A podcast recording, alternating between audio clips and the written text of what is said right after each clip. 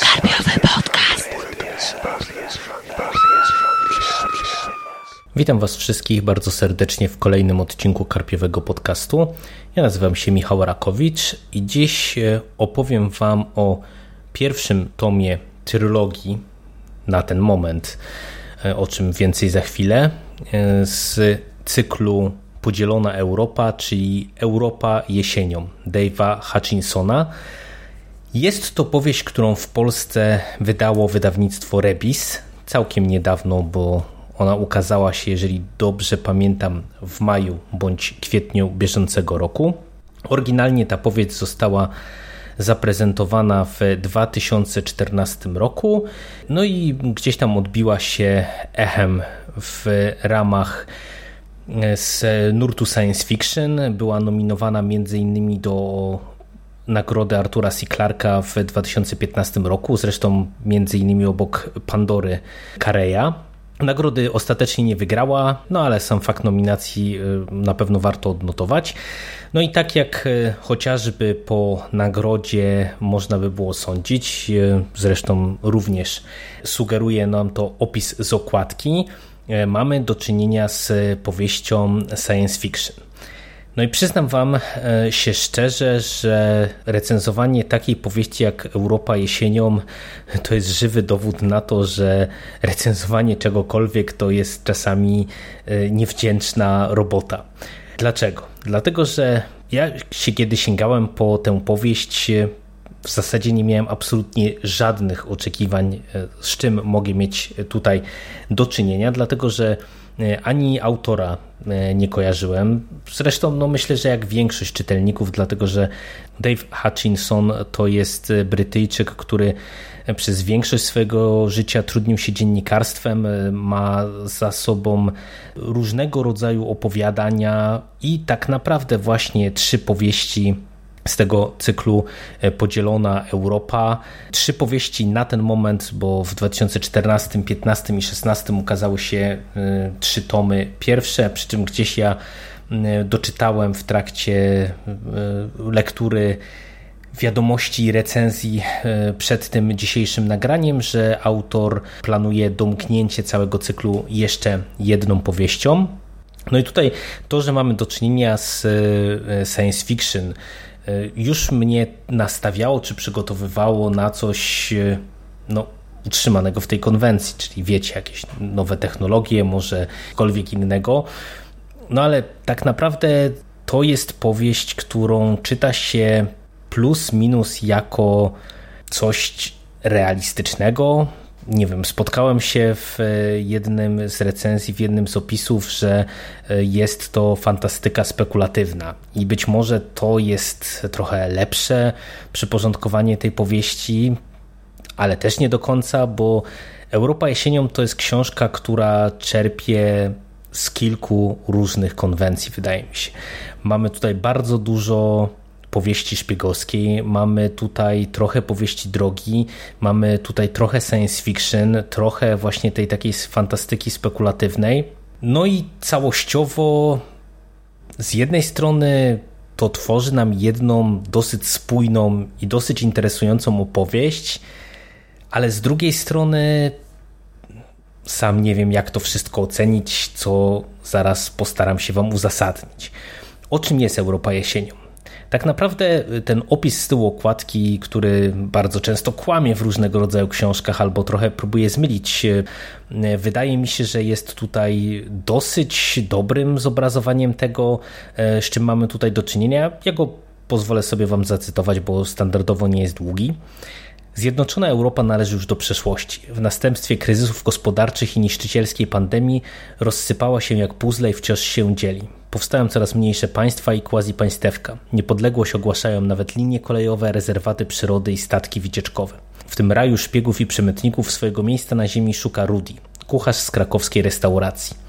Zwerbowany przez tajemniczą organizację odbywa szkolenie wywiadowcze i wkrótce zostaje jej tajnym kurierem. Krąży po kontynencie, wymykając się jawnym oraz tajnym służbom i z zadania na zadanie zaczyna sobie uświadamiać, że za spiskami i kontrspiskami, w których uczestniczy, za sporami, które toczą kraje Europy, mogą stać postaci z zupełnie innej rzeczywistości. No i ten opis z jednej strony bardzo dobrze oddaje to, z czym mamy do czynienia, z drugiej strony tak naprawdę wydaje mi się, że niewiele wam powie. E, dlatego, że ja no, przeczytawszy ten opis z tyłu okładki, tak naprawdę nadal nie wiedziałem, z czym będziemy mieli tutaj do czynienia. I y, jakie ja mam problemy z powieścią Europa jesienią.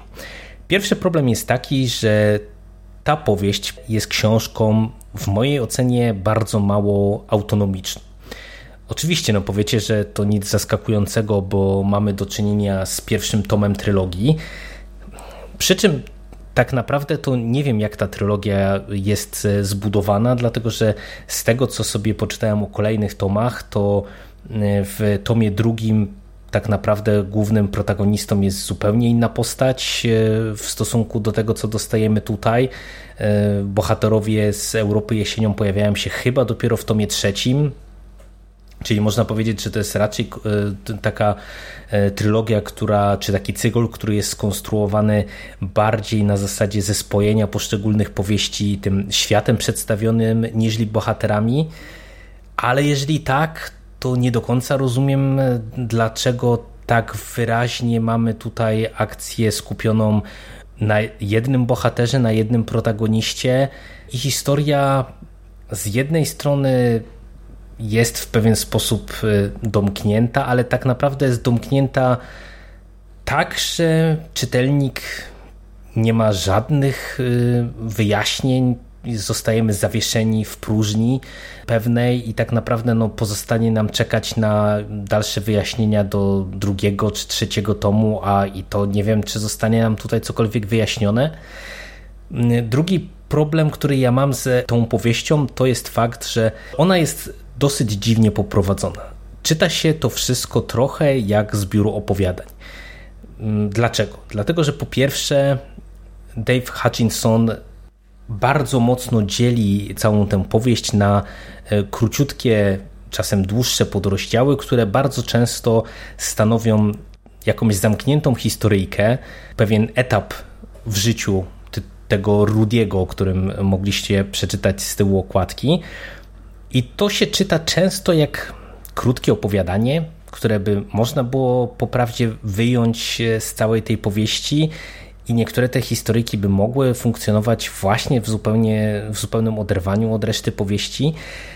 Na ten odbiór wpływa też to, że akcja powieści jest rozpisana na kilkadziesiąt chyba nawet lat.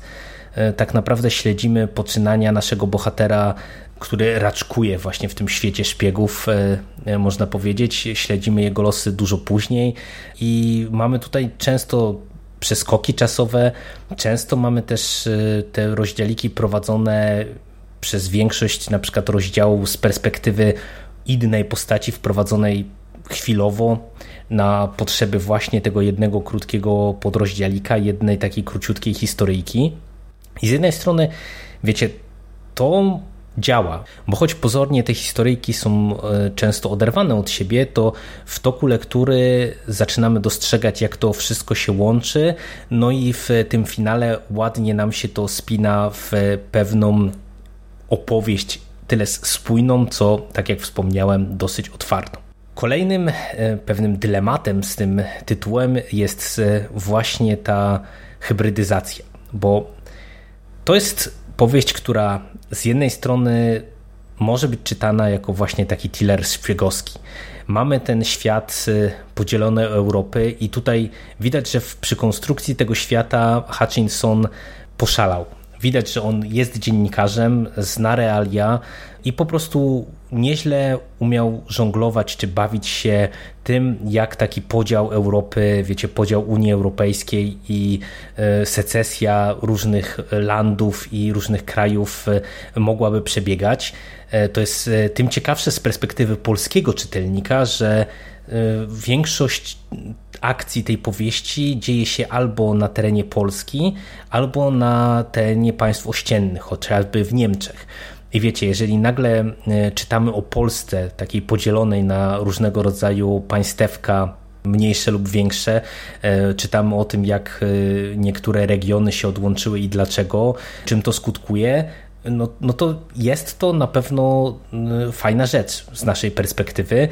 No i co też jest ważne, to wydaje mi się, że no nie wiem dlaczego jakby sam Hutchinson zdecydował się umieścić akcję powieści w Europie Wschodniej głównie. Nie wiem, czy on jako dziennikarz na przykład był, nie wiem, czy korespondentem, czy specjalizował się w tym regionie, ale na pewno odrobił lekcję, bo y, widać to często nie tylko po tych takich y, grubszych tematach, y, czyli że gdzieś tam mamy no, odwołanie do architektury danego miasta, czy, czy regionu, czy języka danego regionu, czy historii danego regionu, ale też w różnego rodzaju rodzaju takich drobnych, małych smaczkach, jakichś tam e, potrawach kulinarnych, nie wiem, gazetach, e, do których on się odnosi i tak dalej, i tak dalej. No i to, co tutaj jakby w, w, tej konstrukcji świata e, z jednej strony jest interesujące, to z drugiej strony właśnie się przekłada na to, że mamy na to nałożoną całą tę warstwę polityczno-społeczno-obyczajową i nadto nadbudowany ten wątek szpiegowski. No bo ta podzielona Europa, no często się składa z państewek y, takich powiedziałbym fasadowych, no tak jak tutaj słyszeliście też z opisu z tyłu okładki y, niepodległość ogłaszają rezerwaty przyrody czy mm, jakieś tam statki pasażerskie, y, no a to skutkuje, że takie struktury quasi państwowe mm, próbują funkcjonować jak państwo, wiecie, z jakąś gospodarką, z jakimiś granicami itd., tak itd., tak ale czasami e, no, jest to dosyć komiczne, dosyć e, nietrwałe, a e, też nad tym wszystkim figuruje ta większa polityka, czyli z jednej strony mamy te interesy tych większych narodów, które próbują wpływać na to, że nie wiem, jakieś państewko albo bardzo szybko upadnie, albo zostanie wcielone na przykład do tego czy innego państwa, a z drugiej strony no mamy przedstawioną właśnie walkę tych różnego rodzaju służb specjalnych, które z jednej strony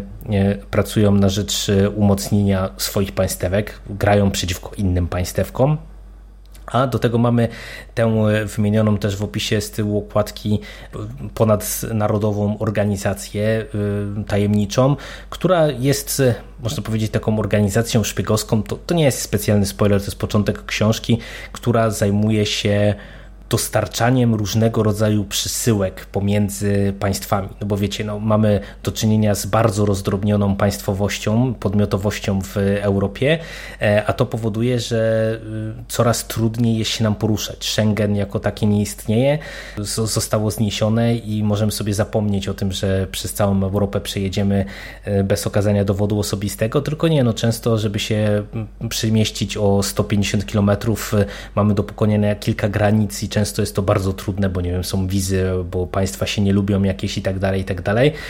No a y, ludzie przyzwyczajeni do dobrodziejstw właśnie tej takiej wolności w przepływie dóbr ludzi i myśli, no, chcą to zachować. No i w tym miejscu pomaga nam ta y, cała organizacja.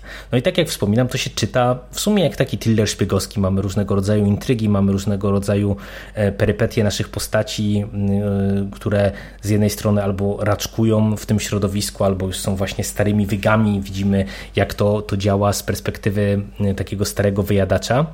I wiecie, to jest ta jedna warstwa, ta polityczno-społeczno-szpiegowska intryga. Do tego mamy ten element science fiction, o którym jest o tyle trudno mówić, że tego grubego science fiction, że się tak wyrażę, no bo wiecie, tak naprawdę poza tym, że e, wydaje mi się mało prawdopodobne, żebyśmy doszli w którymś momencie do stanu, że nie wiem, dwa bloki ogłoszą niepodległość jako niezależne państwo, e, to cała reszta tak naprawdę mieści się właśnie w ramach y, tej fantastyki spekulatywnej i myślę, że y, o wielu tych podziałach moglibyśmy mówić. Natomiast mamy też tę warstwę fantastyczną, bo ja nawet bym miał opory, żeby nazywać ją warstwą science fiction. Na ten moment ja to bardziej czytam jako jakąś tam fantastykę no to w którymś momencie się to pojawia, ale tu się pojawia tak naprawdę, nie wiem, gdzieś koło strony 320, 330 z, 40, z 400 stron tej powieści i tak naprawdę cały ten wątek fantastyczny jest e, nieźle wprowadzone i wyjaśnione dosyć wprost, co wydaje mi się, że inaczej chyba nie mogło być poprowadzone, żeby czytelnicy się w tym nie zagubili ale właśnie no, nijak nie jest to domknięte i to jest pod tym kątem e, trochę irytujące dla mnie. E, no nie wiem, jak to zostanie poprowadzone dalej w tych kolejnych tomach.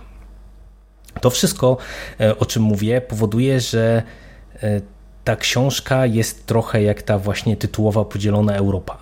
Ona jest podzielona konstrukcyjnie, podzielona gatunkowo i przez to, mimo że z jednej strony się czyta to dobrze i losy naszego Rudiego e, są wciągające, są intrygujące, to w którymś momencie ja sobie uzmysłowiłem, że trochę nie do końca wiem, co autor chciał mi tutaj opowiedzieć, dokąd ta historia w zasadzie zmierza, e, z czym po prawdzie mamy tutaj do czynienia i wiecie, to jeszcze nie jest samo w sobie złe, no bo być może e, w kolejnych tomach jest to wszystko ładnie wyjaśnione i ładnie spuentowane. No, być może z dużą dozą prawdopodobieństwa możemy tak założyć, bo trzeci tom, e, z tego co widziałem, nawet wygrał jakąś branżową, że się tak wyrażę, nagrodę, więc, więc być może to się wszystko ładnie domyka. Natomiast na ten moment trudno mi jednoznacznie Europę jesienią polecić, dlatego że też nie wiem do końca dla jakiego czytelnika ta powieść jest skierowana. Bo, no mówię, ta cała warstwa polityczno-społeczna jest interesująca. Jeżeli ktoś lubi fantastykę spekulatywną, być może może po to sięgnąć, ale nie wiem, czy z kolei ta cała warstwa szpiegowska go nie odrzuci. Jeżeli ktoś z kolei lubi powieści szpiegowskie, bo e, w wielu recenzjach e, do znudzenia e, jest powtarzane, że Dave Hutchinson ma w sobie wiele z Johna Le Carre, jeżeli dobrze czytam, czy Le Carré, bo chyba tak się czyta to nazwisko, czyli bardzo dużo z jednego z klasyków powieści szpiegowskiej współczesnej. No ale wiecie, to ma przełożenie na to, że jeżeli ktoś jest miłośnikiem fantastyki, no niekoniecznie musi być miłośnikiem powieści szpiegowskich. Jak do tego nałożymy na to wszystko fakt, że tak jak mówię, powieść nie ma jednoznacznego domknięcia i urywa się tak naprawdę w pół zdania, nie wiem, czy nie lepiej się wstrzymać do czasu, aż Rebis y, wyda całą trylogię i będzie można to przeczytać w ciągu. Ja na ten moment jestem tyleż zaintrygowany, co zawiedziony to złe słowo, no bo tak jak wspomniałem, nie, mam, nie miałem żadnych oczekiwań w stosunku do tego tytułu, e, ale tak naprawdę zostawiła mnie ta książka dosyć obojętnym. Myślę, że spróbuję ten drugi tom, no bo warsztatowo to jest naprawdę e, dobra książka i widać tutaj, że e, ta praca dziennikarza nie poszła w próżnię, tylko Hutchinson e, umie pisać. No ale tak jak wspominam, na ten moment nie do końca wiem, co nam chciał tutaj przekazać i jaką opowieść nam zaserwuje. Czy, czy dowiemy się tego z kolejnych tomów? Mam taką nadzieję. A ode mnie na dzisiaj to wszystko. Dzięki i do usłyszenia. Cześć.